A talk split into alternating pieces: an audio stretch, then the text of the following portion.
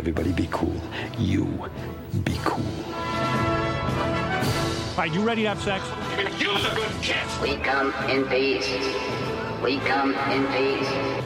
You are the motherfucking Antichrist! We're gonna let you go, okay? Ok.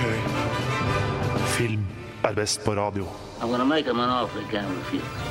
Nova Noir.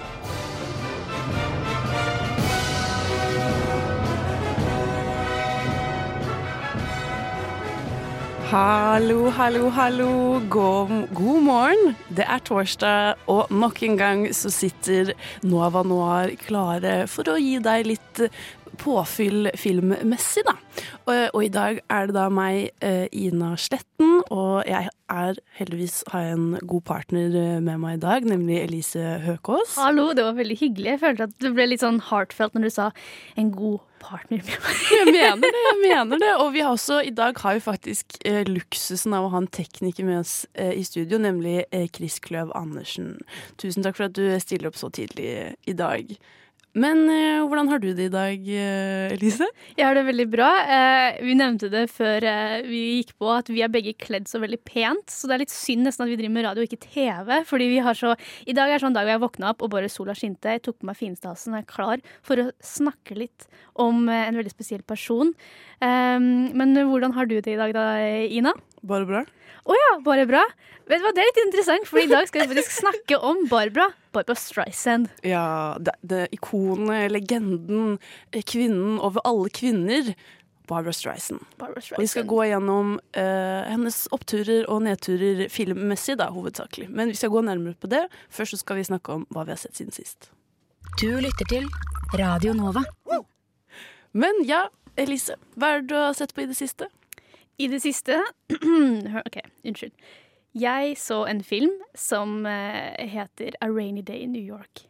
Er Kontroversielt. kontroversielt. Kontroversielt. Woody. Allen-film. Og så innså jeg at eh, vet du hva, Woody Allen han, han ser jeg ikke på. Jeg innså at jeg ikke har sett så mange filmer av han. Um, og det forsto jeg også hvorfor. Fordi etter at jeg var ferdig med Rainy Day i New York, så var jeg veldig glad for å bare legge meg og ikke snakke om det. Jeg syns den var litt kjedelig. Jeg syns ikke den ga meg så mye. Og jeg føler Nå trekker jeg veldig sånn sterke paralleller, men jeg føler at han prøver å få til det A Marriage Story fikk til. Det handler om en skilsmisse. Nei, nei, nei. nei, nei, nei. Um, okay. Det, her, det var en lang, det var en lang uh, far stretch for det. Men uh, det derre forholdsdrama Det er jo to tenåringer i A Rainy Day in New York. Jeg kan godt snakke litt om den, egentlig. Den eh, handler om Timothy Chalamet og Elle Fanning, som spiller to eh, eh, college-studenter som er forelska og hva enn. Og så drar de til New York da Elle Fanning sin karakter skal eh, intervjue en sånn regissør, og eh, og så, så faller de fra hverandre, på en måte. Fordi hun blir jo invitert inn i hans verden. Hun blir invitert med på sånn fancy fest. Og Timothy sin karakter, han gjennomgår andre problemer. Og så, det, og så møtes de på slutten og innser at liksom de, Ja. Men jeg tror vi snakket litt om Woody Allen for noen sendinger siden, og da var det litt nettopp det at uh, vi begynner å bli litt Han er litt kjedelig nå. Men det er som de der bøkene du leser på sommeren, hvor det handler om et forhold, og så bare blir det aldri noe Det går aldri opp eller det går aldri ned. Det bare handler om liksom livet. Det er litt for liksom realistisk at det er ikke noe gøy å følge med på. Ja, Du føler ikke at det er noe spenning? på den? Nei. Hmm. Så Også, du anbefaler ja. den ikke, da? Nei. Nei. Enkelt og greit. Men, eh, ja, men jeg syns den hadde Det eneste den skal få, er at den har et litt sånn mood. Det er liksom du setter på liksom, liksom mørkt rom og litt stearinlys, og det er liksom mood. Fordi det er så veldig Jeg, jeg føler at altså Det jeg også skjønt at det er liksom Woody Allen-stil, er at location er veldig sånn Det er enten New York City eller det er liksom Sør-Frankrike eller Roma eller Paris. Det er bare sånne Stedet er nesten den viktigste karakteren, egentlig. Absolutt. Så den har liksom, det kunne vært en sånn Pinterest moodboard, men jeg gidder ikke å Gidder ikke å følge med på mer enn det, egentlig. Du jeg mener? Ja, ja, ja. Men du får veldig lyst til å dra til New York av å se den. ja, ja, men det vil jeg jo fra før av. Altså, han hjalp jo ikke det. det er ikke vanskelig å be, liksom, når Nei. kommer til New York. Uansett. Var noe, var noe greit å se på, på Netflix, men det var ikke noe sånn der wow. Ja. Ikke Jeg, noe anbefaling. jeg har sett noe veldig kult på Netflix, og det er Charlie Coffman sin nye film 'I'm Thinking of Ending Things'. Oh, jeg syns tittelen er litt skummel. Ja, eh, og den er litt skummel. Jeg har jo lest boka eh, i forkant. Anbefaler den også. Ikke veldig lang, eh, litt ekkel, eh, men veldig kul. Eller det var litt det etter at jeg hadde lest den, så følte jeg meg skitten. For den er bare åh. Men eh, veldig, er, veldig bra. er den erotisk, liksom? Nei, det er ikke sånn skitten. Oh, ja. Nei, jeg, har, jeg vet ikke, jeg. Nei, men uh, filmen da Ja. handler jo om uh, en jente. Hun er på vei sitter i bilen på vei til å møte foreldrene til kjæresten sin. Og hun er på vei Eller hun, hele veien så vurderer hun å slå opp med han. Så hun har disse indre monologene. Og oh, ending things i Ja. for... Å, herregud. Jeg trodde det hadde vann om selvmord, jeg. Ja, ikke sant. Beklager. Uh, nei. Uh, men også sakte, men sikkert, jo nærmere de kommer uh, gården hvor foreldrene hans bor på, så bare blir ting rarere og rarere og rarere. Og det er Du, må liksom, du kan ikke sette på den her og forvente at du bare skal se en ja, i gåseøyne um, Netflix-film. Her må du sette deg ned og følge med fra start til slutt. Det er veldig mye intense og lange monologer, men det er absolutt verdt det. Og sluttseansen er helt fantastisk kul. Jeg koser meg så mye. Men øh, jeg vet ikke om jeg anbefaler å lese boka før eller etter du har sett filmen, for jeg føler at det påvirket mye av hvordan jeg så den filmen. Men Tror du at mye kan misforstås hvis man ikke har lest boka? Jeg er egentlig veldig interessert i å høre hvordan det oppfattes for en som ikke har lest boka, for det er veldig mye tvetydig som skjer. Og siden jeg allerede vet hva som skjer, så har det vært kult å se om noen, at man opplever det annerledes. Da. Jeg har jo ikke lest boka, så jeg kan godt ta på meg den rollen. Da, så ser jeg den. Gjerne. Kan du, da kan vi ha det som en avtale. Da. Neste gang vi er på sending sammen, så oppdaterer du. Ja, det kan jeg godt gjøre. Kult. Jeg tror uansett at det er mye bedre enn Rainy Day in New York. Ja, det, det er jeg ganske sikker på. Jeg også. Jeg tør å ta det. Sorry about that. Men nå skal vi videre på, uh, ja, som nevnt, Barbara Streisand. Uh, og vi skal begynne aller først med bare etablere hvem er denne fantastiske Hvem? kvinnen. Hvem var hvor? Barbara Ja, Streisand. Ikke sant? Menneske. Barbara Streisand. Men vi skal ha en liten musikkpause først, eh, og det er nemlig No Shame av Sex Judas og Ricky. Du Du Du hø hø hører på. På Radio Nova. Og før vi hopper inn i filmene, som eh, oppsummerer Eller som Barbara Streisand har del av, så er- føler jeg at det er viktig å etablere hvem hun er. For i dag er Barbara Streisand en 78 år gammel kvinne. Hun er fra New York, USA. Stjernetegnet hennes er tyren. Jeg liker at vi diskuterte veldig hardt forresten før vi eh, planla sendinga om at hun var en tyren. Ja, og hun er en sta jævel. Ja.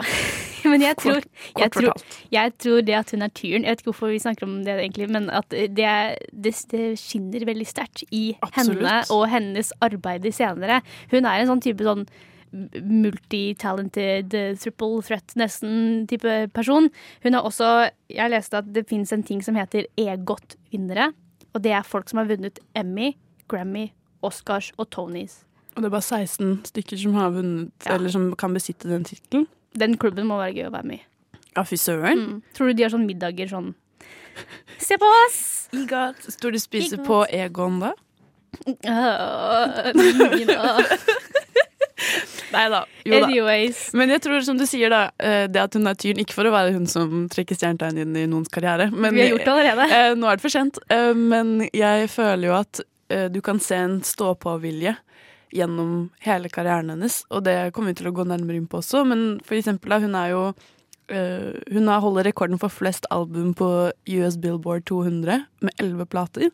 Hun er den ene, men kvinnen med høyest eh, med, høyest al med flest album. Men var det ikke slik at hun også er den eneste, eller en av de veldig veldig få artistene som har hatt en number one hit i veldig mange konsekutive tiår? 60-tallet, 70-tallet, 80-tallet, 90-tallet, 2000 og 10-tallet. Oi. Eh, det er jeg litt usikker på. Det har jeg lest ukjent kilde, men eh, Men hun, det er fullt mulig. Uh, hun er også banebrytende i film. Første kvinnen som vant Oscar som komponist med sangen 'Evergreen' fra A Star Is Born. Og hun vant, var også den første, og fremdeles eneste kvinnen, som vant Golden Globe for regissør for Jentol.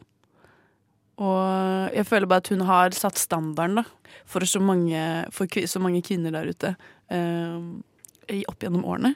Mm, og jeg tror også ikke bare kvinner, men generelt hele eh, eh, musical theater-verdenen, da. Ja, fy søren. Eh, Jeg hørte på en annen podkast med noen, en hel gjeng med gutter, hvor de sa at det Barbara Streisand-låter var det du dro på for eh, Nei, dro på audition med og fremførte, fordi det var liksom alltid slagere.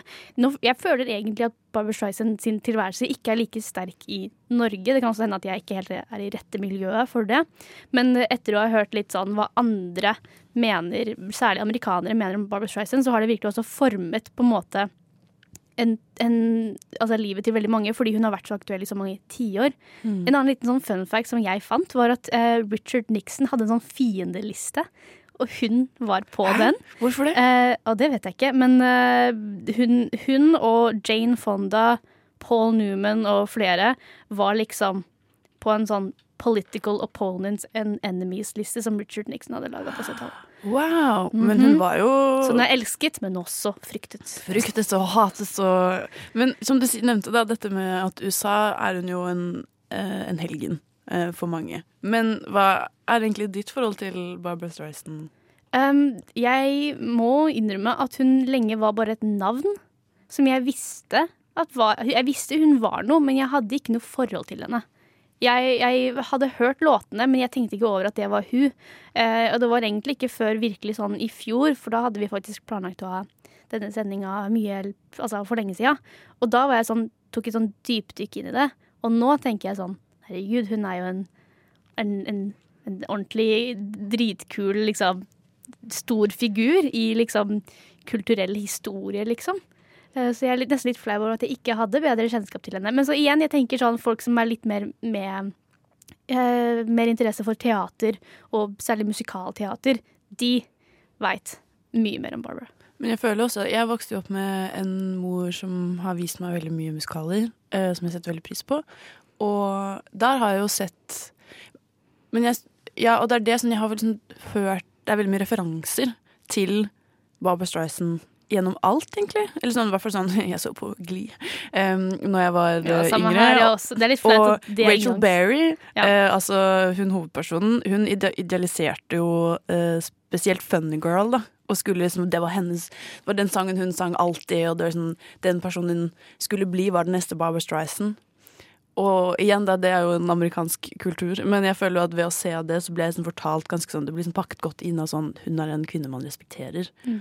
Og så har jeg bare uh, lært å elske hun mer og mer uh, med årene som har gått. Men hun har jo forsvunnet mye med tiden. Hun har jo ikke så veldig mye mer på skjermen Ja, lenger. hun er jo 78. Jeg tror hun har tjent opp uh, ganske godt til Jo å da. leve komfortabelt ut livet sitt nå. Jo da, det er sant. Ja. Jeg tror hun nå, nå tror jeg, Det kommer vi jo tilbake til, men hva Barbara gjør i dag Jeg tror hun nå slapper litt mer av og, og tar det litt lener seg litt tilbake, tenker jeg. Ja, jeg tror det er jo. Eh, og det er helt lov. Eh, vi skal ikke ta det helt tilbake eh, resten av sendingen. Vi skal lene oss fremover. Vi skal hoppe mange, mange år tilbake i tid. Vi skal tilbake til 60-tallet, for det var der alt begynte. For, for Barbara, i hvert fall. For. Sweet 60s eller noe sånt? Eh, Roaring 60s. of 60 Nei, jeg bare tuller. Nå skal vi høre en ny sang. Ikke den, men vi skal høre uh, 'Flowers' av Nadia Essa. Mitt navn er Hans Petter Moland. Du hører på Nova Noir, FM 99,3. Film er best på radio. Det er helt riktig, Hans Petter Moland. Og da begynner vi å prate om 60-tallet. For det var da Barbara Streisand begynte å, å bli med i teater. Da hun begynte å turnere med komikere. Det er jo på en måte sånn man blir eh, plukket opp, da. Du må jo eh, begynne i det små. Så hun spilte jo på nattklubber, eh, var med på mye sånn standup-show.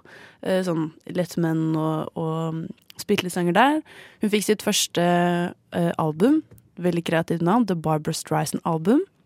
Wow! Mm, og så, verdens beste oppfølger, kom et halvt år senere, The Second Barbara Streisand Album. Vet du hva, Jeg liker en enkel kvinne, kvinne som det der. Ja, ja, Som bare, vet du hva, Dette er mitt første album, og dette er mitt andre. Trenger du, trenger du å vite noe mer, Nei. tenker jeg. Nei, det er Absolutt ikke. praktisk. Det er praktisk. Det er er altså et album som kom senere. The Third Album også. Så hun er god der, altså. Men uh, uansett, det er da hun begynte å bli liksom et uh, household name. De spilte musikken hennes på radio. Hun ble veldig fort Men kan jeg hoppe inn med en ting? Fordi Ja. før hun begynte å liksom bygge opp den der, det renommeet der, så var det Eller så har jeg lest Nå er jo kildene mine her i dag veldig usikre, har vi nå diskutert. Um, Ja, Vi må bare ha en disclaimer på at uh, til forrige stikk så nevnte Elise at uh, Barbra Streisand var på Nixon sin uh, liste. Og, etter, Fiendeliste. og Chris, tekniker Chris har eh, funnet ut at eh, det er ikke så sikre kilder på dette. Ifølge Wikipedia, i hvert fall. Men igjen, hvor sikkert er Wikipedia, liksom? Men hvor Hvem sikkert er det der. Eh, Hvor sikkert er crfashionbook.com, Elise? Vet du hva, Jeg stoler alltid på en god fashionbook. Ja. Men la meg komme til poenget her. Hun, før hun ble ordentlig, ordentlig kjent, så har jeg lest eh, at hun uh, jobba som en sånn dørvakt på et teater. Og hun hørte rykter om at de skulle, an de skulle begynne å ta sånn åpne casting eh, for um, eh, The Sound of Music. Og hun selvfølgelig uh, gikk rett på og uh, gikk på audition for å få hovedrollen. Hun fikk den ikke, men hun fortsatte jo å være dørvakt. Og hun det sies at hun på en måte skjulte seg litt, for hun ville ikke at folk skulle gjenkjenne ansiktet hennes når hun ble berømt. Oi. Fordi hvis Altså, hun har jo en veldig et veldig sånn karakteristisk ansikt. En veldig vakker nese, blant annet. Mm. Og tydeligvis var hun sånn Dette er min fordel. Men ingen skal se meg holde den døra. Men det er også verdt å nevne at uh, Barbara skrives jo eh, Barbara. bar, b- ja, bare Bara vanligvis, mens uh, Barbara Streisand skriver det Barbara. B-a-r-b-r-a. Og det er fordi hun het egentlig Barbara, men hun bytta, hun fjerna en annen. Fordi hun følte at da er hun litt mer spesiell. Hun stikker seg litt ut. Hun vet, hun vet hva hun går etter. Hun Ja, ja, vet at hun bygger et brand. Hun har en plan, ja, hun. hun har en langtidsplan. Hele veien. Tiårsplan, sjuårsplan. Og sånn sett er det jo ekstremt lurt å, å kalle det albumene sine for The Barber Streisand-album. Fordi da er det Da tynger du navnet ditt ut der. Men det er det som er interessant, egentlig, for jeg sa jo det at jeg visste om navnet hennes veldig lenge. Ja. Hun har jo gjort en god si, en sånn marketingjobb Jo, jo, med at navnet hennes er nesten patentert, liksom. Det, Ja. er kanskje, ja, det tror jeg kanskje at det er, liksom, det er ikke lov å bruke det i andre sammenheng. Men det kan jeg se for meg. Men uansett, 60-tallet og Barbara Streisand, eh, hun greide jo faktisk å komme seg på Broadway i Ja. 1962 med I Can Get It For You Wholesale. Eh, og etter hvert også Funny Girl. Ja, Det er der det liksom Pangstarten, da. Ja. Det var jo i 64. eh, hun gikk på scenen der. Og det var jo en hit. Hun ble jo forgudet. Og så ble um, Funny Girl filmatisert i 68. Uh, og da føk hun rett inn og fikk sin første Oscar-statuett for, um, for beste kvinnelige hovedrolle.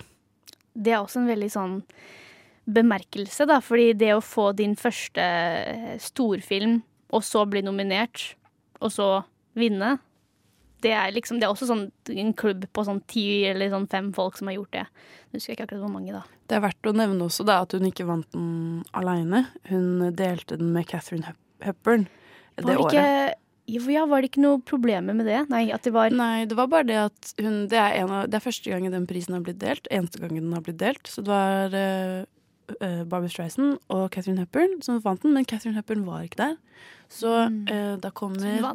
Barbara opp på scenen, og så holder hun statuetten, og så ser hun, utover, ser hun på statuetten og sier 'Hello, gorgeous'. Og det er også det første hun sier i Funny Girl.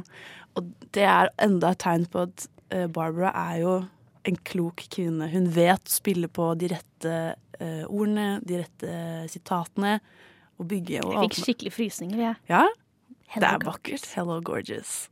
Er, men selv om 60-tallet på en måte er jo da det begynner, så er den bare i to filmer. Det er eh, 1968 Funny Girl, og så er det en annen musikal, Hello Dolly, i 1969. Det er også en sånn amerikansk ting, fenomen jeg bare har ikke fått med meg. Hva da? Hello, Dolly. Å ja. Jeg kjenner til den, men det har aldri vært noe betydelig for mitt liv. Og hun søkte faktisk, det er litt gøy, hun prøvde å få rolle i den på Broadway noen år tidligere. Men det fikk hun ikke. Men når den blir filmatisert, da var hun der. Men da tenker jeg at vi skal da fortsette å prate om Funny Girl, som er da eh, det som starter Barbra Streisand sin eh, filmkarriere, i hvert fall. Eh, Men før vi eh, hopper inn dit, så skal du høre eh, en sang av OK Kaya, 'Damn Gravity'.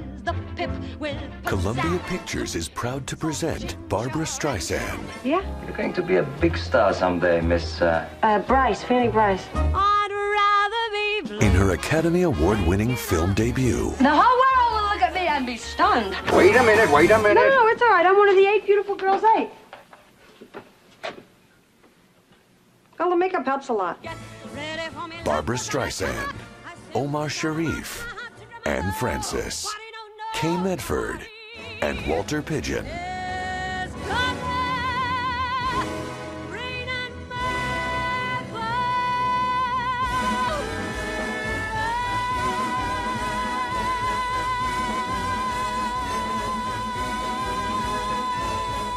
Funny Girl. Vi snakker altså om Funny Girl, den eh, filmen som egentlig kickstarta karrieren i filmbransjen for Barbara Streisand. Nå holdt jeg på å si Streisand, fordi jeg tenker på Arnstein. Det er en karakter. Ok, uansett. Uh, Funny Girl fra 1968 er faktisk en biografisk musical drama. Jeg visste ikke det her. At det var basert på en bok. Er ikke det litt sjukt? Fordi det er jo, den er jo så kjent til å være uh, Barbara Streisand sin historie. Oh, ja. At, den, at Funny Girl er på en måte Barbara Streisand i, altså At den filmen reflekterer så godt hennes liv. Fordi Funny Girl handler om Fanny Bryce, som er en sånn um, Hun er i en sånn dansegruppe Eller sånn mm, sangdansegruppe som heter Eight Beautiful Girls Eight. uh, hvor hun blir uh, oppdaga av eh, eh, Nikki Arnstein, som jeg tenkte på. Eh, og så blir de forelska, eh, og han er jo kjemperik fordi han driver og gambler, eh, og har egentlig veldig mye problemer egentlig der. Eh, og så får de eh, barn og ting går litt derifra. Jeg vet ikke om jeg skal liksom Jeg, jeg syns folk skal på en måte oppleve den litt, fordi det handler mer om, om eh, feelingen av Barbara Streisand også. Jeg føler at Fanny Bryce er Barbara Streisand. Men det er jo verdt å nevne at den er fra 1968, så jeg tror ikke Hvis du ikke har fått med deg premisset til Funny Girl, så er ikke det, er ikke det vår feil, på en måte.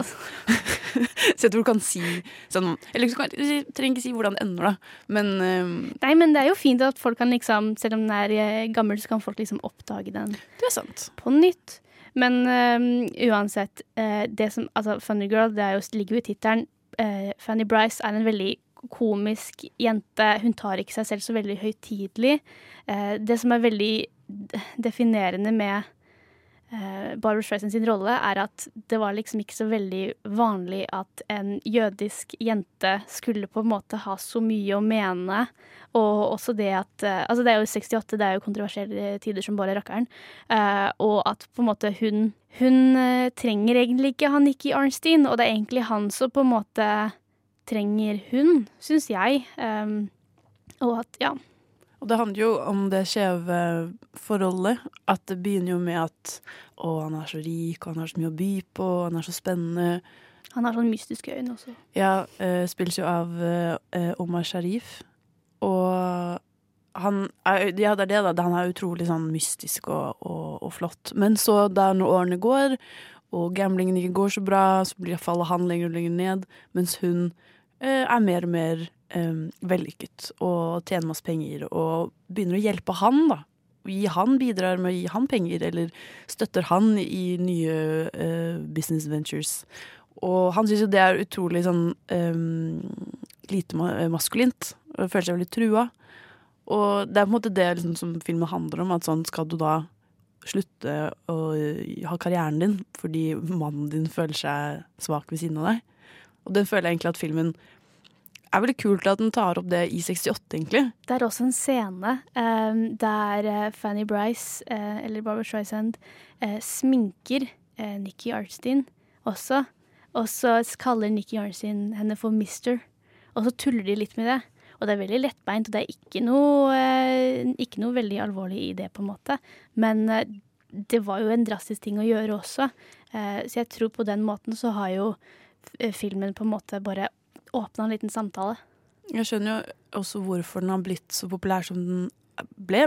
Først og fremst fordi det er ekstremt mange ikoniske og flotte låter. Rain on My Parade. People tror jeg også er med. Uh, Funny Girl. Det er liksom utrolig uh, mye bra musikk. um, så du blir veldig glad på det. Men så handler det jo også om, og jeg føler det er veldig gjennomgående for filmer som har uh, blitt store, i hvert fall sånn romantisk komediemessig, at kvinnen er ja, flott, åpenbart. Altså, det er jo Barbara Streisand vi snakker om her, men hun er også utrolig tullete. Og tar seg selv veldig lite, høy, eller, ja, veldig lite høytidelig. Sånn, det er jo sånn hun får gjennomslag på scenen i filmen nå. At sånn, hun kødder mye og, og er frekk og um, tør å ta en vits. Uh, og det tror jeg traff veldig hardt, i uh, hvert fall også på 60-tallet, men i dag også. Altså Du kan være en flott, eller en, en helt vanlig kvinne, men likevel tørre å ha det litt gøy, da.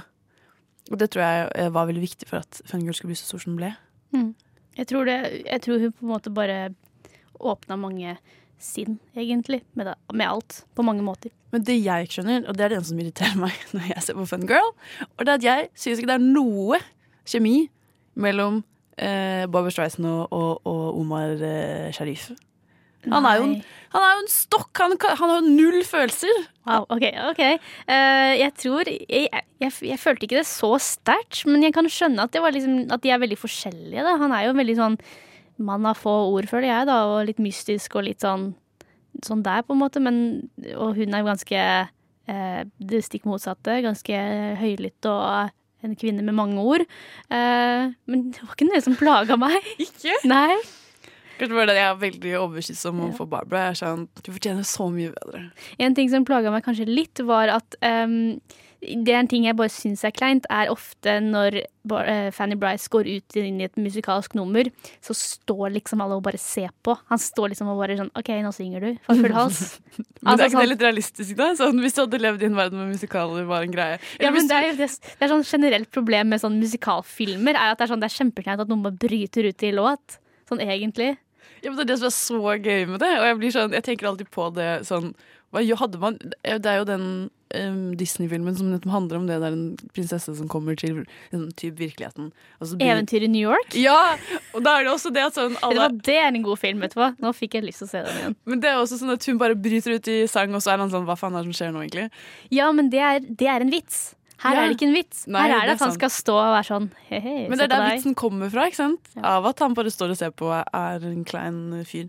Jeg vil bare også nevne at regissøren uh, til Funny Girl, det er uh, William Wyler. Uh, mest kjent for å ha laget Ben Hur. Som er musikken til intro, int, introen til Nova Noir. En shout-out eh, til han. Men også Ben Hur er jo krigsdrama. Eller ja, veldig intenst uh, krigsdrama. Og så har han også laget Fungirl, som er en søt liten Ja, men uh, vi kommer litt inn på det senere. Men jeg tror ikke i Barbara Streisand sine filmer så tror jeg ikke regissøren har så mye å si. Oh, Fordi Spenstig. Uh, jeg tror hun har Jeg tror hun regisserer litt selv, egentlig. ai, ai, ai. Mm. Men da gleder jeg meg til å høre mer om det. Eh, for vi skal hoppe videre til 70-tallet. Og ja, hun hadde bare to filmer på 60-tallet, men eh, det ble ganske, ganske, ganske mange flere eh, på 70-tallet. Det skal vi snakke mer om straks, men først så skal du høre Skov 2 av Skovveien. Nova Noir. Og da hopper vi egentlig bare et par år frem i tid før vi er på um, 70-tallet, og hun spiller i Ja, jeg tror hun spiller i ni filmer eller noe i løpet av 70-tallet. Begynner med One A Clear Day You Can See Forever, og i 1979 så spiller hun En midt i trynet. Det er jo tydelig at eh, 70-tallet, altså etter suksessen av eh, annet Funny Girl på 60-tallet, så har jo Nå er jo etterspørselen høy. Hun har sikkert, eh, prosjekten, eller prosjektene var sikkert line-up på rekke og rad, og um, pengene strømma inn. Jeg vil også bare nevne sånn fun fact. Eh, eh, januar 1970 så var, eh, holdt hun på med um, Pierre Trudeau, kanadiske eh, statsministeren. Er det sant? Ja, ja, ja. Å, se for deg det ikoniske paret. Ja, jeg, jeg vet, men hun har hatt mange sånne ikoniske Ja, det romances, Ja. blant Jeg hadde også lett datet uh, Barbara Streisand. Uh, Lett! Lett! 78 Åh, det hadde vært flott. Uh, hun har sikkert masse penger. Nei, jeg bare tuller. Uh, men jo, Uh, men det er også da hun begynner å bevege seg litt bort fra, fra musikaler. Eh, For det er jo det som liksom har vært det tyngste av det hun har gjort tidligere, basert på at hun ja, er jo en sangstjerne, så da får hun jo sangstjerneroller. Men for eksempel What's Up Doc, eh, som kom i 1972, eller Main Event, en annen gang på 70-tallet, det, det er også sånne filmer som ja, sånn slapstick tullekomedier. Eh, som er, er jo ikke så fjern fra sånn Funny Girl. Og sånn, er jo også sånn tull, og mye musikaler er veldig sånn tullete komedier. Men hun går, går mer og mer bort ifra musikkdelen av det, da. Men correct me if I'm wrong, men jeg føler det skjer ofte med eh, musikalteaterartister, eller Broadway-stjerner. At de på en måte De gjør noe utenfor. Noe på TV eller noe på film. Eller sine egne låter. Og så plutselig på en måte funker det nesten bedre, og så går de bort fra den scenen. Fordi det er på en måte kanskje lettere å gjøre andre arbeid etter det. Det er veldig sånn teit, kanskje teite ting å si, men, eller anta, da. Men jeg føler det Jeg, bare, jeg har en annen person i tankene nå, og det er Linn Manuel Morada, som jeg føler bare gjør alt annet enn å være på en scene lenger. Siden han er så populær med alt annet. Men det er kanskje noe med at du vil vise at du er mer enn bare en stemme, da. At du kanskje vil vise at Og det er det jo Barbara senere vil vise òg, at hun kan mye mer enn bare å spille eller synge.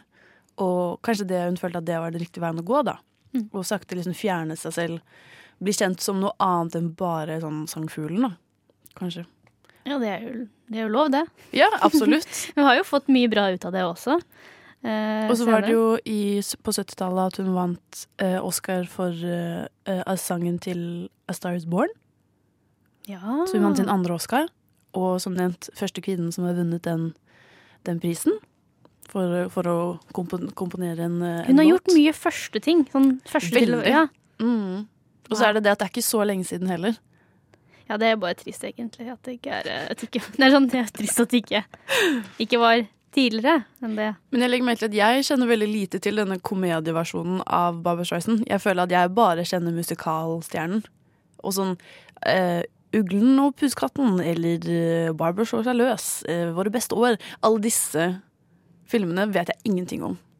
Og Nei, det- men kanskje det er litt sånn Det er ikke så rart. Kanskje det bare ikke gjorde Altså kom helt ned til eh, Norge, da. Nei, kanskje ikke. Nei. Det er noe med det.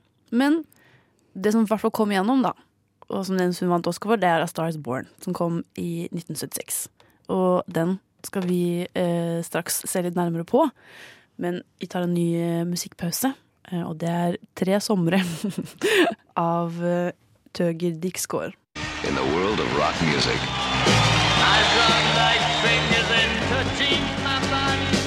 John Norman Howard was once the best, but he was burning out.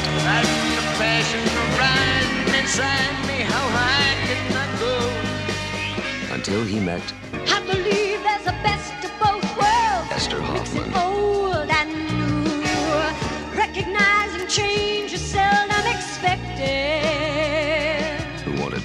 Wanted more. I long suspected. They believed that strange was our word She wanted love. Barbara Streisand, Chris Christopherson, Watch closely now. A Star is Born. Det var da A Star Is Born, og du tenker sikkert Var det ikke en, var det ikke en film som kom for sånn Var, det ikke en Hæ? Var det ikke en var ikke Lady Gaga, var det ikke Lady Gaga som spilte den? Og det er sant. Blant annet. Eh, Det er jo en, en film som har blitt lagd tre eller fire ganger. Jeg tror den som var med Lady Gaga, var den fjerde. Ja. For det var vel den her. Og den her var den tredje. Eh, Så det vinnes eh, to tidligere, og handler da rett og slett om en, en musiker som liksom har alt. Er ja, lever livet. Og så, etter en litt eh, turbulent, eh, mislykket konsert, så snubler han inn på en nattklubb hvor eh, Oreo, gruppen eh, til Barbara Streisand Altså da er det sånn hun et lite, En liten gruppe eh, som synger da eh, sanger på eh, en liten nattklubb. Og han blir jo betatt. Men jeg synes, kan jeg bare trekke parallellen allerede? Jeg Ja. syns det er veldig morsomt hvordan denne lille nattklubben hun Jeg tror karakteren her heter Ester Ja, Hoffman. Ester, em, som da er da ja, eh, Barbara Streisand sin karakter. Den lille klubben hun spiller på, er jo en ganske fin scene. I uh, den eh, nylige versjonen med Lady Gaga så spiller hun på en sånn shabby er det ikke en strippeklubb eller noe, og der blir Ja. på en måte kontrasten litt høyere. Er Så jeg syns faktisk det er en sånn ting den, hvis vi allerede skal snakke om det, det er en ting jeg syns den nylige gjør bedre. Oi. At den, ha, den, vis, den er litt mer ekte. Jeg digger den, den nyligste. Og man kan jo også si eh, Det er jo mange som har sammenlignet Lady Gaga med Barbara Streisand. Eh, og sagt Er det nesa? Er det nesa du tenker på? Det kan være. Men det er også, de har også en, en, en sterk eh, stemme og brutt mange uh, De, men jo, det er jo det. Begge født og oppvokst i New York. Begge studerte eh, eh, musikk eller musical theater. Jeg vet at Lady Gaga hadde mange sånn eh, eh, gigs på sånn små klubber, og hun gjorde det egentlig veldig dårlig, ble buet og sånne ting. Eh, og jeg vet også at Barbara Streisand også var jo på Vi snakka litt om det. Eh, Starta litt i små, de små klubbene, på en måte. Begynte å bygge seg opp derifra. Og så har blitt sånne eh, eh, hva heter det, sånn tiårsdefinerende eh, navn, kan man si. Absolutt. Så egentlig den parallellen ser jeg veldig tydelig, faktisk, når du snakker om det. Og så er det litt nesa. Ja. og jeg tror også at A Star Is Born, litt sånn som eh, Little Women, har blitt en film som har blitt eh, gjenskapt flere ganger. Men A Star Is Born er jo Jeg tror den har blitt nominert til Oscar så å si hver gang. Eh, og jeg tror Catherine Hepburn var en var som spilte i den forrige før uh, Barbara Streisand invasjon. Så det er jo åpenbart en sånn hvor man velger ikoniske um, skuespillere fra det, uh, den epoken. da. Kan jeg tørre å si ikoniske kvinner òg? For jeg føler ikke at de der mannlige rollene er så veldig viktige, egentlig. Nei, det er sant. Og, det jo, sånn- og filmen handler jo Og det er det da den eh, For å gå litt tilbake til uh, A Star Is Born, så handler den jo om at han forelsker seg i uh, denne kvinnen, og som er en eh, aspirerende sanger. Og så handler det om hvordan hun eh, kommer til um, bli kjent, da. Og, og, og opplever eh, kjendislivet. Og jeg føler jo også at det er jo det Star Is Born handler jo alltid om kvinnen hovedsakelig. Det begynner med mannen, og så begynner det å handle mer og mer om hvordan hun opplever Det Det er ikke A star is dying and then another one is born. Det er Skjønner du hva jeg mener? Du Altså, har et poeng der, Lise. det er en grunn Tenk til om at det var tittelen, da! Da var det en lang tittel. Nei, men det som jeg syns er veldig interessant med Star Is Born Igjen, her er kanskje litt sånn uskjønte kilder, mye rykter det går på, da. Men um, regissøren Frank Pearson var i et romantisk forhold med Barbara Streisand. Hva? Ja. Um, at the time. Og det sies at fra og med Star Is Born så på en måte tok um, den lille regissøren i Barbara virkelig um, form. Fordi hun uh, begynte å krangle veldig mye på sett, fordi hun ville gjøre ting på en viss måte. Og det gjorde jo faktisk sånn at um, hun og uh, han som spiller den mannlige mm, duden, rockestjernen, Chris Christofferson, fikk faktisk et litt eh, turbulent forhold. Uh, og man hører det også i hva heter commentary-versjonen av DVD-en. Så gøy. Nei, men så hører man at hun på en måte snakker litt om hva hun mener er godt forhold mellom regissør og skuespiller. Og det er på en måte sånn veldig indirekte sånn sånn skal man gjøre, og så skal man ikke gjøre det. Uh, en ting hun nevnte som jeg syns var veldig fint, sånn skuespillerteknikkmessig Du må ligge med han. Hæ? Du drar det her så Nei, nei, nei. Ja, men vi- nei. bare- det var bare- nei, nei, nå skal jeg komme med sånn hard, hardbeine fakta. Og det Uansett, nå falt jeg helt ut av det. Uansett, kommentarer Jo, hun snakka om at eh, eh, Vet du hva, nei, nå husker jeg det ikke. Unnskyld. Nei, jo, det er noe med at en, eh, en eh, regissør må bli skikkelig personlig kjent med en skuespiller og vite alle de såre punktene. Og sammen med skuespillerne innad hverandre. Og så OK, ja, ikke se på meg sånn, Ina. Ligge med Men- hverandre? Nei! Og så, og så, når du kjenner de såre punktene, så bruker du dem i scenene. Og så Du bruker dem i scenene. Men du bruker dem kun i scene, og du tar dem aldri med ut. Du får lære sånn Hun sa at forholdet med skuespillere og regissører skal være som en lege og advokat. Det skal være, det skal være konfidensielle ting. OK. Ja. ja jeg syns det var et inter... Jeg Jo, men det som er at Barbara nå er superdefinerende i sin stemme som regi, altså regissør. Hun er ikke regissør, men hun tar så mye kontroll at hun bare Det her er det hun egentlig vil. Og det er det hun egentlig har, Altså, det er der hun egentlig finner sin plass. Som en sånn eh, kreativt eh, overordnet hode, på en måte, av et prosjekt. Absolutt, og det er jo utrolig kult at hun begynner å liksom ta mer kontroll over karrieren sin. Da, og hva, igjen da som i 70-tallet var på en måte da hun begynte å, å eh, ta litt aktive valg bort fra musikk, um, musikkarrieren. Uh, og likevel så tar hun da opp noen, noen større steg mot uh, det å bli regissør. Men A Star Is Born er altså på en måte uh, den toppen på 70-tallet. Og hun begynte jo rolig på 60-tallet, hadde en, et intens 70-tall, og så kom 80-tallet. Og da gikk det plutselig veldig brått ned igjen. Eh, da hadde hun plutselig bare tre filmer. Um, og det skal vi gå eh, litt nærmere på straks. Eh, vi skal høre en låt av Fjorden Baby først. Eh, 'Anarki' og 'Virvar'.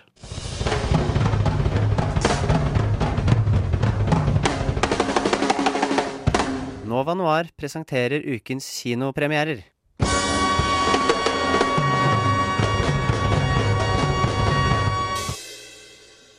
Da er det duket for um, kinopremiere. Og jeg, lille meg, har vært på kino. eh, Du har vært på kino! det har Hurra for det. Åssen var det? Det var, det var veldig gøy. Det er veldig deilig å være tilbake i kinosetet, skjønner jeg. Mm -hmm. Og setter veldig pris på det. Dette er den eh, tredje filmen jeg har sett på kino siden uh, Corona Times. Uh, så jeg er gira. Og dette er en norsk film til og med. Så altså Dianas bryllup, en film av Charlotte Blom, som handler om et eh, litt turbulent og ustabilt familieliv. Helt sjukt at jeg har lyst til å gifte meg i det hele tatt. Jeg har jo to gode eksempler på hvor dårlig det kan gå. Gi den til meg! De kommer ikke til å la seg stoppe av noen bryllupsfest ute der. Han det så jævla ivrig! Hva har du gjort med Cato, da? Skal kjole, du, vet du. Du er så fin. Bare kjøre på gata. Det har jo vært mye bråk med de og sånn, men de har alltid vært glad i hverandre. Annet gærent oppi toppen til han der Charles. ja, Det Altså. er litt trøbbel i tårnet på prinsessa, det, men jeg har hørt, ass. Og det var da eh, en liten smakebit. Eh, og som dere hører, da, så er det basert Det handler jo om eh, ekteparet eh, Liv og Terje, spilt av Maria Blokhus og Pål Sverre Hagen. Og det begynner jo i 1981. Eh, 29. juli. Og det er eh, noen som gifter seg. Eh, mest kjent er jo prins Charles og Diana Spencer. Gifter seg i St. Pauls katedral i London. Men Ah, det er linken til tittelen går, vet du. Ja. Jeg lurte på det, jeg skulle spørre om det. Ja, og så samtidig så gifter Liv og Terje seg eh, på, i en kantine eh, i Sarpsborg. Eh, på jobben til, til Det er Terje. Det er flott. Og da fester de, og samtidig har de da nyfødte Diana, datteren deres, eh, hengende rundt. Samtidig som de fester og sigger litt og karrer seg hjem, glemmer barnevogna på veien. Og så kommer de seg til slutt fram til det nye rekkehuset sitt eh, i Sarpsborg. Og det er liksom her det begynner, da. Eh, og de får et forhold til eh, naboene. Eh, et annet eh, utfordrende Eller et annet ektepar, da. Uh, Jan, uh, spilt av Olav Våstad, og Unni, uh, Unni spilt av Jannicke Kruse. Og greia med Liv og Terje, da, er at de elsker hverandre veldig høyt. Men de er også veldig ampre mennesker. Så de krangler mye. Det er mye skriking. Eh, Det er mye utskjelling, men det er også veldig mye kjærlighet. Og eh, hver krangel ender med liksom eh, omfavning og store kjærlighetserklæringer. Og du følger jo på en måte Diana eh, mens hun vokser opp, hvordan det er å vitne et, et ekteskap som er eh, så turbulent. Og samtidig så ser du da eh, naboparet som på en måte er på andre siden av skalaen. De har masse penger, og de bare har et flott hus og samler på antikkmøbler. Eh, men de snakker så vidt til hverandre. Takker på hverandre, bor i hvert, så på hvert sitt rom. Eh, så de representerer på en måte hver sin side av skalaen. Og de begynner jo å rivalisere. De, som nordmenn flest gjør, da, så blir man jo venner med naboen og henger litt med dem og eh, tar seg en liten, eh, eh, tar seg en liten uh, vodkashot uh, inne i stua til hverandre. Og eh, det blir liksom en slags sånn rivaleri, da, på en måte. Um, Kan jeg spørre om noe? Eh, men du sier, er det her alt vist gjennom Diana sine øyne, eller er det en historie om egentlig alle? Som en som, altså familier og naboer? Det det- for jeg skjønte ikke helt, for det er jo Du nevnte jo at man ser henne vokse opp, blant annet. det er det som er litt sånn forvirrende, fordi selv om filmen heter Dianas bryllup, så handler det hovedsakelig om ekteskapet mellom Terje og Liv. Og også foreldrene til Diana. Så Liv og Terjes bryllup, da. Ja, på en måte. Eller Liv og Terjes ekteskap, eh, heller. Um, og så ender det da med Eller sånn, filmen eh, hopper da gjennom 80-tallet, 90-tallet og så til 2020, hvor eh, Diana selv skal gifte seg. Um, og da er hun veldig betenkt og veldig sånn Hvorfor gidder jeg å gifte meg? på en måte? Mine foreldre har jo bare krangla og vært kjipe. Og det er et veldig godt poeng. Jeg tror at I dag så er det jo færre og færre som velger å gifte seg eh, i Norge. Og det er et tema mange kan kjenne seg igjen i, tenker jeg. Men nettopp fordi det er en komedie, og den tuller bort veldig mye, så treffer ikke det så veldig hardt, eh, disse kranglene. Eh, eller eh, ja, at de ikke blir venner, da. Ja, for på en komedieskala, om jeg kan spørre om det, da. Det jo, jeg trodde at det skulle være litt mer drama, og så leser jeg jo en komedie, og så er den morsom. Ja, for Premisset høres jo veldig dramatisk ut, Ja, egentlig, eh, ja. men så er den veldig tullete. Eh, og veldig morsom. Altså, sånn, jeg koste meg masse når jeg så på den. Eh, lo mye. Eh, det er mye god musikk. Og ekstremt mye eh, 80-tall- og 90-tallsreferanser. Eh, som kanskje blir litt mye noen ganger også, men det er, det er koselig, da. Og, men igjen, da, den klarer ikke helt å bestemme seg for om den skal eh, gå ordentlig i dybden på dette med foreldre som krangler foran barna sine. Eh, eller om den bare skal være en tullete familiekomedie. Og det er det som er litt irriterende, fordi når de da legger så mye vekt på at Diana syns det er vanskelig å gifte seg i voksen alder, så skjønner jeg føler ikke helt med hun, da. Fordi eh, for eksempel broren sier jo sånn Ja, men vi har jo hatt det gøy. Og ja, vi har jo hatt det kjempegøy. Så det er sånn, jeg skjønner ikke hvorfor du syns Eller sånn, skjønner hvorfor Diana er så opprørt da, over at uh, hun har valgt å gifte seg. Kanskje de legger opp til, til en doer? Nei, det tror jeg ikke. Nei, Det er ikke sånn at de liksom skal følge livet enda mer videre? Nei, det tror jeg ikke. Eh, og, men det er litt det, da. Så jeg tror at den ikke har klart, klart å bestemme seg for hva den vil. Eh, selv om den er veldig fin og morsom, så skulle jeg gjerne sett at de holdt litt mer på kranglene. Og gjorde litt For det, det går an. Det er så mange andre som har gjort det. Lagd eh, mørke komedier som tør å være ubehagelige, men som fremdeles er veldig morsomme. Og det er ikke umulig å få til. Så når du allerede vet at det ikke er en, en, en fjern eh, virkelighet, så føles det litt sånn dumt at det bare blir veldig mye tull, da.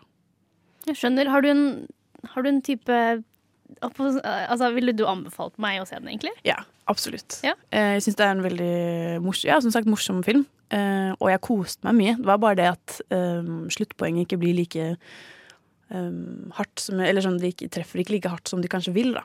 Eh, men jeg vil, se den, jeg vil anbefale alle å se den bare fordi det er jo morsomt å dra på kino og se en norsk komedie. Uh, og det er ikke så ofte man gjør det heller, egentlig. Jeg Nei, i hvert fall ikke som er så bra, eller sånn som jeg syns er så morsomme, da. Um, så uansett, dra på kino og se den fordi du får en Du, du er en god latter, liksom. Uh, men kanskje ikke forvent så mye mer, en, eller en, en, en dypere betydning bak noe av det. uh, Mm. som man kanskje får litt inntrykk av i traileren. Ah. Det er det eneste. Um, så jeg vil gjerne anbefale den, men jeg gir den en, en seks av ti. En seks av ti. Ja, og det syns jeg var vanskelig. Jeg var veldig sånn Hva var det du sto mellom da? Syv og ti. Eller altså syv eller seks. Seks og syv. Men, Så den er jo over, eh, over gjennomsnitt. Eh, over middelmåten, mener jeg. Absolutt. Vippe mot det positive. Ja. Så gå og se den. Gøy. Ja, men jeg, jeg ble litt frista, jeg. Absolutt. Eh, det ligger også en, en lengre anmeldelse inne på radnova.no for de som er interessert. Ah, skriftlig. Jepp, jepp, jepp, jepp. Slipper å høre på oss bable, men også Ja, ja, lese det som menes. Ikke sant. Så eh, det er det jeg tenker, i hvert fall. Men eh, nå tenker jeg at nå har vi fått nok av eh, Diana. Eh, jeg tenker vi skal gå videre på en annen, annen kvinne. Eh, En annen kvinne. En annen kvinne, altså Barbara. Eh, fortsette med 80-tallet, da. Så eh, først da, så skal du høre 'Penger i madrassen' av Blomst. Nova Noir, fordi film er best på radio. Litt innspill fra Pål Svarhagen, som også er med i Dianas bryllup eh, der. Eh, og han gir, oss, han gir velsignelse på at vi skal fortsette å prate om Barbara Streisand på 80-tallet. For nå eh, snur på en måte vinden for, eh, for Barbara. Eh, det går ikke så bra lenger. I 1981 så spiller hun en, sang som, eh, en film som heter eh, All Night Long, eller Ville nett på superen, som heter på norsk, på norsk, eh, og den gjør det skikkelig dårlig. Jeg tror at det går dårlig fordi energien hennes er et annet sted. Fordi eh, eh, i 1981 eh, så møter hun med Warner Brothers, eh, Paramount og Columbia om eh, en film som vi snart skal snakke om, som heter Gentle. Jeg, er veldig, jeg, veldig, jeg har et hjerte for Gentle, så Absolutt. vi kommer tilbake til den. Men, jeg, men dette er første filmen hvor hun regisserer, produserer, er hovedstjerne og driver med musikk. Så jeg tror energien hennes, eller fokuset hennes, var et annet sted.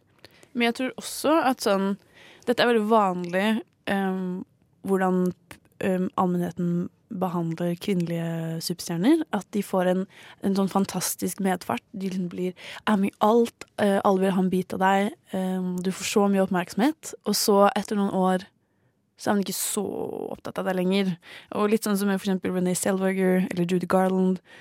Sånne type karakterer som får, blir sånn ekstremt store, og så blir man lei, og så bare dropper man dem. Og jeg føler det var litt det som skjedde med Barbara Streisand også. At eh, hun i 70-tallet en film hvert år, kanskje to til og med. eh, leverer og leverer og leverer. Og så kom 80-tallet, og da er hun med i tre filmer. Og det er da, ja, 1981, en kjempedårlig Ville nøtt på superen. Så kom Jento, som også var ikonisk, men ikke fikk så mye heder når den, når den kom. Eh, utenom sånn Ja, det var, det var mye kontroverser rundt om sånn um, Det var veldig, mange, veldig få som ville at den skulle skje, da. Og så kom i 1987 kom Nuts, som også ikke var veldig imponerende. Nuts, uansett. Men jeg tror også at hun ikke ja, At hun kanskje ikke var så interessert i så mange ting. Eh, som på samme måte som hun prøvde å bygge seg opp. Hun på en måte har oppnådd ganske mye. Altså På dette punktet så bor hun i et mansion, og hun har allerede begynt å bli veldig mye mer av en aktivist også.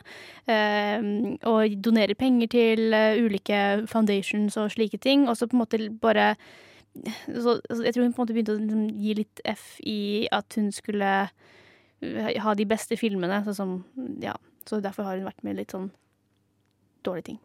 Det er også verdt å nevne at uh, hun har slitt veldig med sceneskrekk. Uh, og det var også derfor hun trakk seg veldig bort fra musikken. Jeg tror det var nesten sånn 20 år eller noe, jeg. At hun nesten ikke opptrådde live. Fordi hun var så nervøs. Hun slet veldig med angst. Og det kan jo ha det blødd litt over i filmstjernen også. Ja, jeg, eh, jeg leste litt at hun sleit med det fordi hun også er veldig perfeksjonist. Så hun er Ja. veldig redd for å skuffe et publikum. Og da bygde, bygget angsten seg opp for henne. Um, som er jo interessant, fordi det er jo, hun, altså hun har gjort mye, men hun har også gjort mye uh, hvor på en måte hvor hun føler at Det er det jeg tror med de filmene som liksom, at navnet bare flyr meg forbi, for jeg har ikke hørt om dem. De er også veldig vanskelig å finne.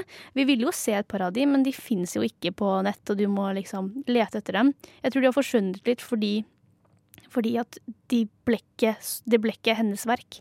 Det ble noen andres verk. Eh, og sånn funker ikke vår Barbara.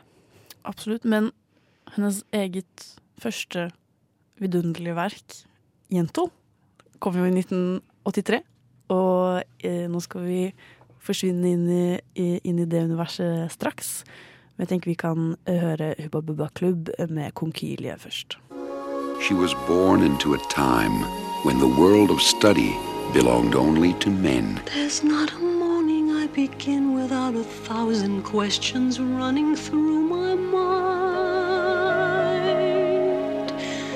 Gentle for the thousandth time, men and women Have different obligations, I know, but Don't ask why. The reason why But Yentl couldn't help herself. Her desire to learn was so great not to fly. Forgive me, Papa. that to satisfy herself inside, she pretended to be a man outside. So that all the things she wanted to be, he could be. I'm a student.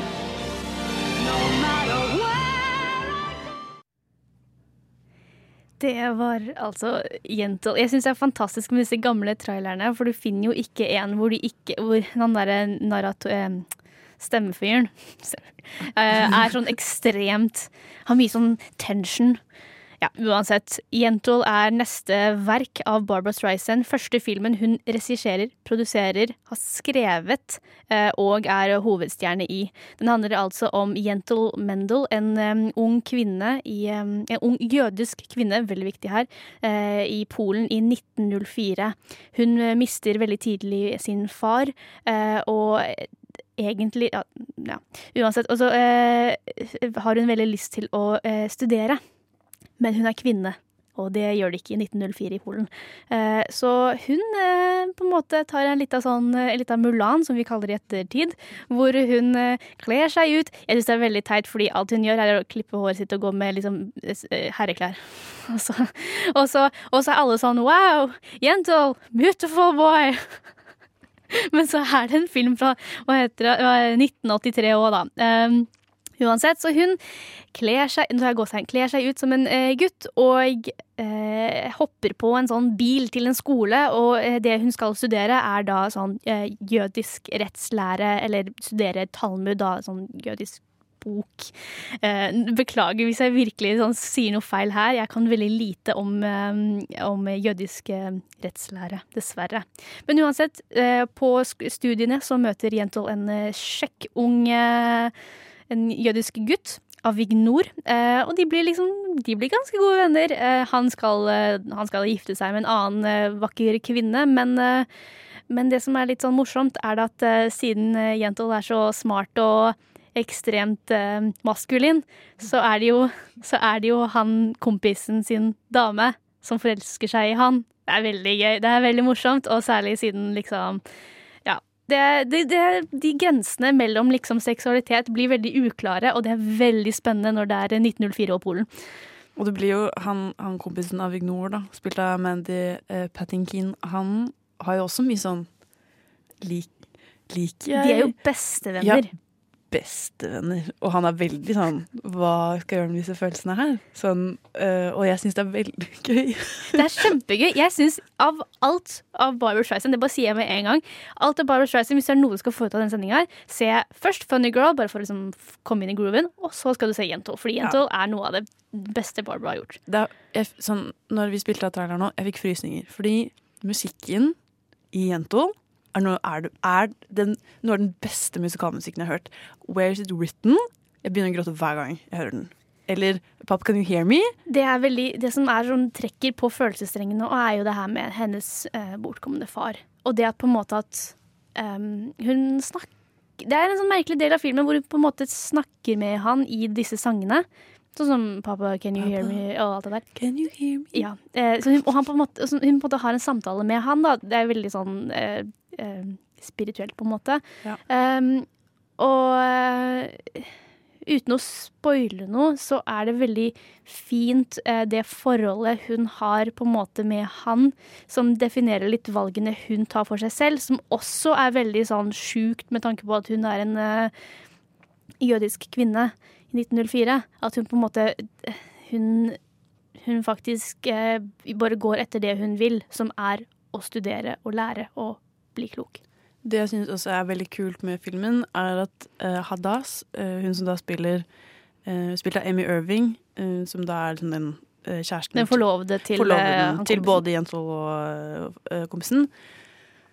Hun er jo den kvinnen som det er forventet at Jentel skal bli. Og Det er også en annen sang som nettopp handler om det. At sånn, hun våkner hver morgen, tenker på hva skal jeg ha, hva skal jeg ha på meg, hva skal jeg lage til middag. Det er liksom det mest, mest hun stresser over. da.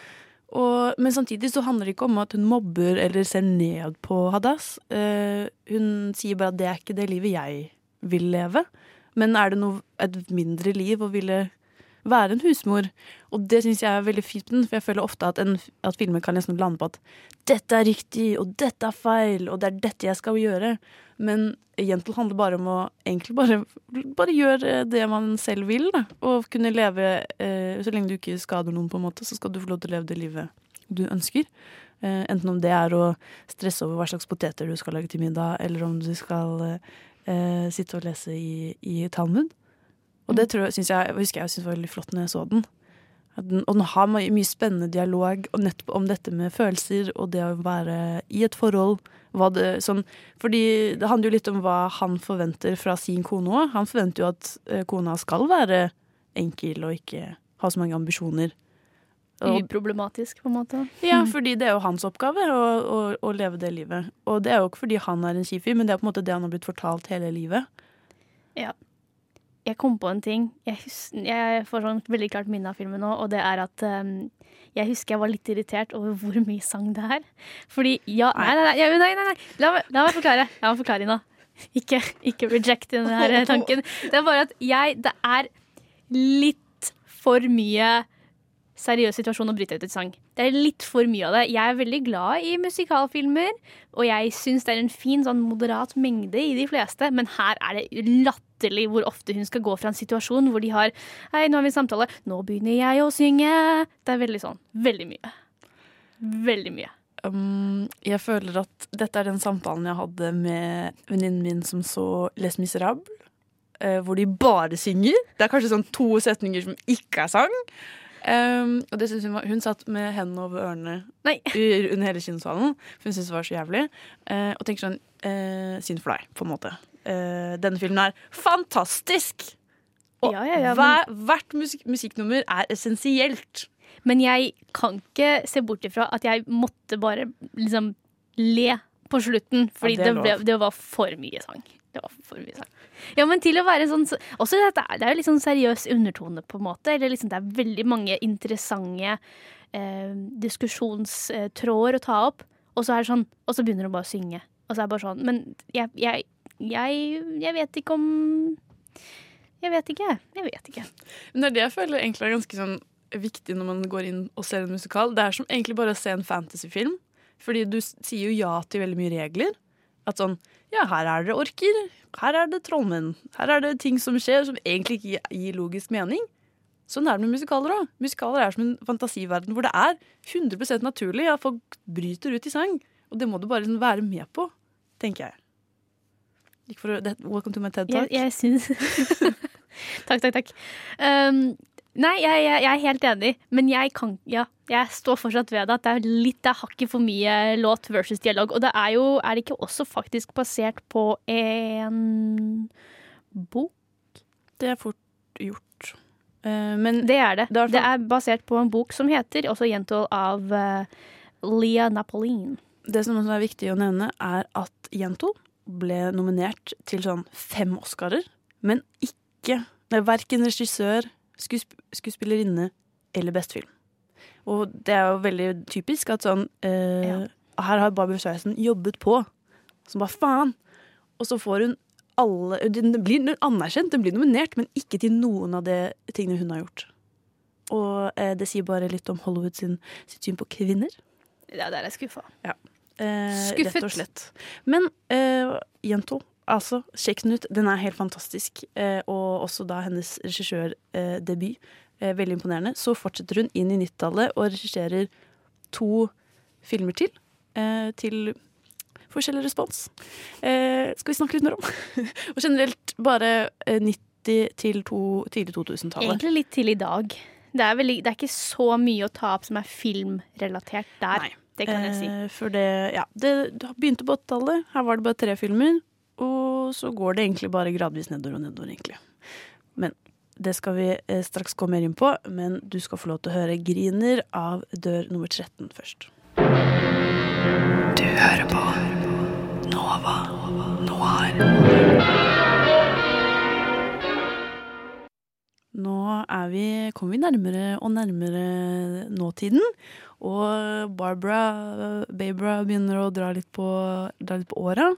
Nå er vi på 90-tallet og til starten av 2000-tallet. Og planen var egentlig at vi skulle gjøre det samme som vi har gjort med de tidlige tiårene. At vi skulle liksom prate om én film fra hvert tiår.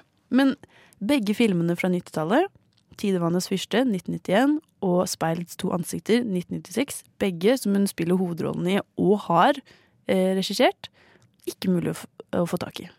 Ligger ingen steder. I Norge, i hvert fall. Eh, og Lovlig. Jeg tror det er med grunn. Tror du Barbara Nei, jeg tror, jeg tror det er ikke marked for det, vet du. Det er ikke så mange som har ja, altså, Jeg har, har noen hørt om det som egentlig så, altså, Hvis du tenker på Barbara Streisand, hva tenker du da? Tenker ikke å ja, den der hvor hun er på sånn med sånn han ene fyren Prince of Tides, liksom. Men 'Tidevanns fyrste', altså 'Prince of Tides', den ble nominert til flere Oscar-statuetter enn Jento. Nei. Ja. Hæ? Ja. Og, og men Ah, Jeg tar tilbake viktig, det jeg sa. ja, viktig å nevne, ikke eh, verken regissør eller film. Så igjen, anerkjent. Å, du er så flink til å lage film, Barbara! Men du blir ikke nominert til eh, de gjeveste prisene. Nei, nei, nei. Selvfølgelig ikke. Eh, så jeg, men jeg skjønner hva du mener. Jeg hadde heller, heller ikke hørt om eller sett uh, 'Tidevanns fyrste'. Ja. Men- det er kanskje ikke en som har gått ut og blitt en sånn derre kulturell type ting. Nei. Det er, det er sånn, Hvis du skal definere det tiåret med film, så ville jeg ikke sagt uh, Prince of Tides. Ja, og så er det jo litt det da At som vi nevnte, hun har jo hatt sceneskrekk Og jeg føler det er litt det som har forårsaket at Ja, da var det 1991, 1996 Og så hadde hun en pause frem til 2004 Og da kom hun tilbake for å spille i Svigers er aller verst Eller Meet the Fuckers. Altså en verdens verste eh, familiekomedie med Ben Stiller og, Det er de der, det er de der filmene som er sånn uh, hvit bakgrunn, rød tekst, kleint portrettbilde. De som har sånn, sånne plakater. Ja, fordi det er jo en oppfølger til Er det Meet the Parents? Eller sånn uh, Det handler liksom om Eneren er Ben Stiller som møter sine svigers, og så er oppfølgeren at han, de skal møte Ben Stiller sine foreldre. Jeg har tatt veldig avstand fra hele den Ja, serien. jeg er, kan ikke alt er trash. Men da spiller Dustin Hoffman spiller pappa, og Barbara Streisand spiller mamma. Og hun spiller sexolog. Det er gøy. Og er liksom en, en freak. Jeg tror hun er en av de bedre Hun er en av, er, er en av de tingene som er bra med denne, disse filmene, seriene som er med Fokker-familien. Ja, fordi Det jeg syns er fascinerende med generelt denne serien, uh, filmserien, er at det er veldig mange bra skuespillere med. Det er jo Dustin Hoffman, og så er det jo uh, Robert De Niro, spiller jo fa eh, liksom svigerfaren til Ben Stiller. Eh, og generelt Owen Wilson er med. Owen Wilson er der, wow. Uh, wow. Men uh, så det er liksom Jeg vet ikke, kanskje hun bare gjorde noe det for lættis? Var det fordi ah, OK, yeah. Dustin, men jeg jeg, jeg tror mange filmer som vi er sånn er sjukt dårlige, men det er egentlig veldig mange sånn Se for deg at du kan bli bedt om å jobbe med disse folka, og så driter du litt i hva det blir i, men jeg ser for meg at å produsere det var sikkert kjempekoselig, og de koset seg, og det var sikkert kjempegøy å lage en film, og så bryr de seg ikke så mye om det blir en, en kritisk, eh, critically acclaimed film, eller om den vinner noe Oscar, egentlig. Det tror jeg helt ærlig om disse filmene her. Typ sånn alle Adam Sandler-filmer. Ja, det var akkurat det jeg tenkte på. Han ja. bare Vet du hva, jeg koser meg. Jeg koser meg. Bare lyst til å lage en fet film med gutta! Og så én gang i hvert eh, tiår så bare Nå skal jeg lage noe her alvorlig. Ja, men jeg synes at, ja, Det er en helt annen historie, men Adam Sandler er på god, god vei. Eh, men eh, i hvert fall også 2004, Svigers all verst. Fra én jøde til en annen, Ja. sorry. Eh, jo, og så, og så har hun da stille i seks år, i 2010, Verre enn verst. Og nyligst hun har gjort, 2012, The Guilt Trip med Seth Rogan. Ja, men igjen, jeg tror ikke du de bare koser seg. Enda en jøde. Seth Rogen. Er det noen- Det er de jøde... Er det noen som koser seg i livet, så er det Seth Rogan. Og Barbra Streisand. Sammen. Power couple. Ja. Men igjen, da, sånn, hun har åpenbart da prøvde hun veldig hardt på 90-tallet å bli seriøs eh, filmskaper. Gikk ikke helt veien. Og så har bare slutta hun. Vi må ikke, vi må ikke Det er jo ikke en film, da, men vi må ikke ikke nevne at hun har en Netflix-special Ja. som er et opptak av en konsert. Den heter Barbara Streisand, The Memories, The, the Magic, the, the Mystery, The Myth, The Man, The Woman.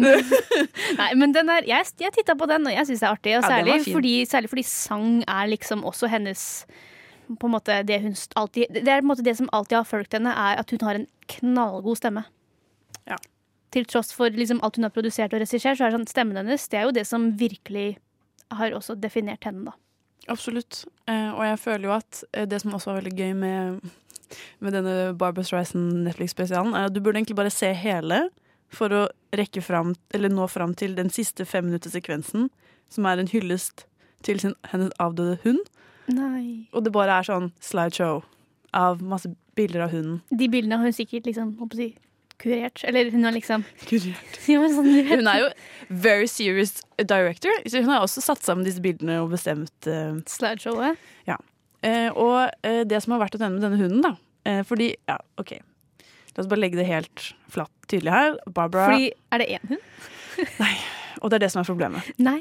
Barbara er kjemperik. Hun har fått gjøre Hun har jo fått Jeg føler hun har fått sånn gudkompleks som mange folk folk Men har. hun er så rik at hun kan donere så mye penger og likevel bare bli rikere. Fordi sånne rettigheter fra de Ja, ja, gamle ja. låtene hennes blir bare brukt på Hun nytt, tjener bare masse penger. Så det Barbara da har muligheten til å gjøre Hun har klonet sin egen hund. At det er mulig! Jeg syns det er litt sånn fantastisk. Hadde- men, men, men du sa hunden døde? Ja, Samantha. Hvem, men hvem av dem? Eh, Samantha døde. Men hun har en til den? Hun har tre hunder. Er alle kloner av hverandre? Nei, to av de er det. Okay. To er kloner av den forrige hunden. Den tredje er eh, barnet, eller Jeg- barnebarnet til hunden. Den Jeg- første hunden. Jeg lurer på åssen hunden føler seg. Tenk, og, tenk at du er for det første eid av noen, og for det andre så, blir du, så møter du en dag altså En dag så våkner du opp og så er det sånn Hei, her er klonen din. Altså, what the fuck? Altså, det, det er sånn, jeg lurer på åssen de hundene har det. De vet jo ikke det. De vet det. Hunder er ganske smarte. De, de kan, en hund kan se og altså, De skvetter jo bare de ser seg selv i speilet, og så plutselig ser de seg selv på ekte. Men tror du ikke, hvis du hadde muligheten da Ok, du har hatt én trofast venn gjennom hele livet. Du har sikkert blitt forrådt av så mange mennesker som bare vil ha fame. Og så dør din beste venn. Så- så- Nei, altså, jeg sier ikke at jeg ikke hadde gjort det. til jeg bare tenker på liksom øh, Etiske retningslinjer, da, kanskje. er det greit? Er det greit? Jeg tror ikke det. Eller jo da, jeg er helt enig, det er ikke etisk å klone i det hele tatt. Jeg bare klarer ikke å se åssen den hunden har det mentalt. Nei. Eh, men jeg tror den har det ganske nice når du har hunden til Barbara Streisand. Eh, du lever i en, en mansion, kan få sikkert eh, eh, kaviar til middag. Jeg føler liksom at eh, jeg hadde ikke hadde sagt nei til å være en hund eid av Barbara Streisand. Typ. Jeg tror jeg hadde vært den beste hunden. Ja. Men Det kan fall, jeg føler dette oppsummerer uansett veldig godt hvem Barbara har blitt. Uh, hun kan gjøre hva faen hun vil. OK! Wow! Uh, og For en statement. Ja, men jeg tror det. Tror, syns ikke du det? Jo, det syns jeg. Og hun gjør hva faen hun vil. Mm. Og det er gøy å se på. Og hun har prøvd, eller sånn, eh, Nå har vi jo nevnt at hun har egentlig tatt veldig avstand fra det å være regissør, men det er jo ikke sant. Eller sånn, hun har hatt et par prosjekter sånn nevnt her og der. Um, uansett. Eller sånn, det har vært liksom snakk om at hun skulle adoptere flere bøker, men så har det måte aldri liksom slått helt gjennom. Men det er jo veldig vanlig i filmbransjen nå, at man liksom prater om ting, men så skjer det ikke alltid. Ja, Tror jeg. ja, det er hele tida. Man eh, på en måte prøver å se seg selv. Ja. Eh, så, men ja, det er også snakk om at hun skal eh, ha, ha Er det snakk om å regissere en ny film, så vi får se da om det kommer noe mer nytt i løpet av eh, 2020. Det har i hvert fall hatt en opptur da, i dette året. Men eh, vi er straks ferdig med sending, men heng igjen bitte litt til. eh, og først så skal du høre 'Byjente' av Snelle. Du hører på Nova Noir. Who do you think you are, anyway? Answer me, or I destroy you! Og nå har vi jo brukt rolig en, en time og tre kvarter på å få, prate høyt og sky, prate Barbara Streisand opp i skyene. For hun skal jo ned på jorda igjen. Fordi det er viktig å nevne your favorite problematic. Det er alltid noe grums. Eh, vi er alle mennesker. Um, og Barbara har vist seg å være det. I hvert fall i nyere tid. Um, Hva har hun gjort, da? Nå skal nevnes Hun har sagt unnskyld for dette, eh, men eh, når det stormet som, som verst rundt Michael Jackson-dokumentaren eh, 'Leaving Neverland', så kom hun med litt uheldig, litt uheldig kommentar angående da disse barna som Michael Jackson angivelig har forgrepet seg på. Hvor hun har skrevet, eller sagt You can say molested, but those children, as you heard say, they were thrilled to be there. They both married and they both have children, so it didn't kill them. Ah, det er litt sånn eh, Det er litt vondt å si. det, er vondt å høre. Det er vondt. Jeg, jeg kjente det stakk litt av å si det sjøl, egentlig. Ja, det, de det- ordene kom ut av min munn. Ja, det er sant. Jeg tror det er noe eh, Man kan skylde på en veldig enkel grunn og si at altså, hun, hun var jo på en måte også berømt på 80-tallet liksom Eller 60-, 70-, 80-tallet og veit liksom åssen verden har vært annerledes. Det er veldig mange sketchy ting som har foregått. Ting som var kjempegreit, eller ting som folk ikke stilte spørsmål ved. Flere, altså I tillegg til Michael Jackson, det er jo kjente profiler. Band, kjente band hadde jo med unge 13 år gamle jenter på turné. Altså Mye sånne ting har liksom skjedd, men jeg syns ikke det er en sånn Fordi hun sa jo det nylig med den dokumentaren. Jeg syns ikke det er en sånn ting å liksom eh, Hva skal jeg si? Eh, å fortsette å Altså, hun har jo fått med seg at, at verden har endra seg. Ja, og, men jeg tror at det er jo som du sier, åpenbart preg at hun har jo også vokst opp eh, Hun begynte kom jo ganske ung inn i den bransjen, og har jo sikkert opplevd mye dritt. Um, og, som har blitt normalisert. Og det er derfor hele metoo-bevegelsen ble så stor, fordi uh, nå kommer det en generasjon med kvinner som ikke ville si ja til å bli handlet på den måten. Og så kommer det mange kvinner fram som sier at ok, jeg har opplevd disse tingene, men jeg tenkte ikke at det var en så big deal. Eller jeg eh, følte ikke at det var noe vits å gjøre Jeg trodde ikke det var noe farlig. Og kanskje at de er stilt litt annerledes i off de offentlige rom nå. Eh, det var jo før i tida, Hvis du skulle si noe, så måtte du jo liksom stille opp på et intervju. Men hvis du bare legger ut en liten ting på Instagram nå, så reagerer jo millioner eller tusenvis av mennesker. Eh, en annen ting jeg eh, leste om, var at i, i korona High Times april så ble, fikk jo hun blant annet en liten backlash også, fordi hun publiserte bilder hvor hun ikke hadde drevet med sosial distansering, eksempel. Og så er folk sånn OK, men følg med på det. Nei, det var bare at hun hadde et sånn, eh, noen sånn besøk av noen folk, og det var liksom noe sånt der. Og det er på måte sånn, det er jo ikke det verdens verste, det er jo mye verre å snakke om eh, eh, barne... Altså, ja, misbruk. Men, eh, men eh, det er på en måte den der at du må være veldig forsiktig med hva som skal ut, fordi alt du sier, alt du gjør, hvert eneste ting Every breath you take, every, ja, det, det ser folk i dag. Og Du har jo et ansvar, og spesielt som Barbara, da, som er ja, en av de mest ikoniske kvinnelige uh, superstjernene i USA. Det er så mange som ser til hun, det er så mange som ser opp til hun som unge skuespillere, og bare som voksne mennesker også. Og hvis du da ser Det er noe med å forstå da hvilken uh, impact du har på resten av verden. Og som du sier, de har jo ikke vært De er kanskje ikke vant til sånne superstjerner. Eldre superstjerner har jo ikke blitt vant til at hvert minste bilde eller hvert minste uh, utsagn påvirker så mange. For nå når du ut til så mange, mange flere Ja. enn du gjorde tidligere. Det er også det jeg så Hun eh, var jo et intervju eh, med, mm, med den Netflix-spesialen som vi nevnte tidligere. eh, The Music, The Memories, alle der. Så sa hun jo at det var jo fantastisk at plutselig kan hele verden se en forestilling samtidig, og hun slipper å reise til hver eneste by. Og det sier litt at hun har jo også vært gjennom så mange ulike eh, sånn tiår med teknologi og formidling på den måten, at det var ikke sånn ting funka i dag. Altså, se for deg på en måte en ung Barbara Streisand vokser opp i eh, 2020, da. Hvordan er det hun altså, Hadde hun fortsatt gjemt ansiktet sitt for, eh, for, eh, som en dørvakt for å holde seg eh, reservert som en stjerne? Men i dag ville hun mest sannsynligvis hatt en Instagram-profil og vist ansiktet sitt veldig mye mer frem enn det hun hadde gjort. Altså, det er på en måte, ting funker på den måten med berømmelse på en annen måte. Det må jo være veldig heavy for henne også liksom, å omstille, omstille seg med når hun er så gammel. Det var det som var poenget mitt. Men jeg vil ikke være sånn ageist heller.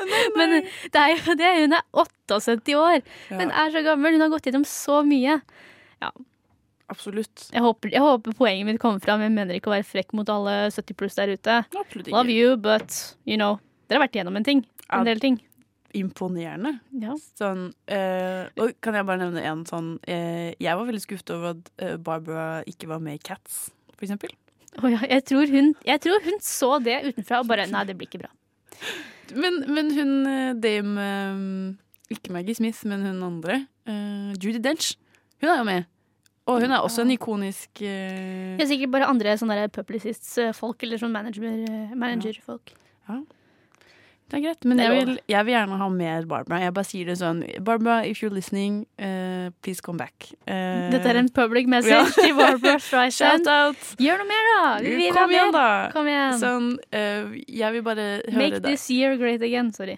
Ja, nei, absolutt. Jeg, bare, jeg vil bare Barbara skal fortsette å levere den musikalske gaven hun er Mm. til resten av verden. Og hun Og- er blitt en gammel, rar dame, og jeg elsker det. Og hun har nå en liten tilknytning til Netflix. Kanskje hun kan komme selv med noe nytt. Kanskje med en regissørrolle, eksempel. Ja.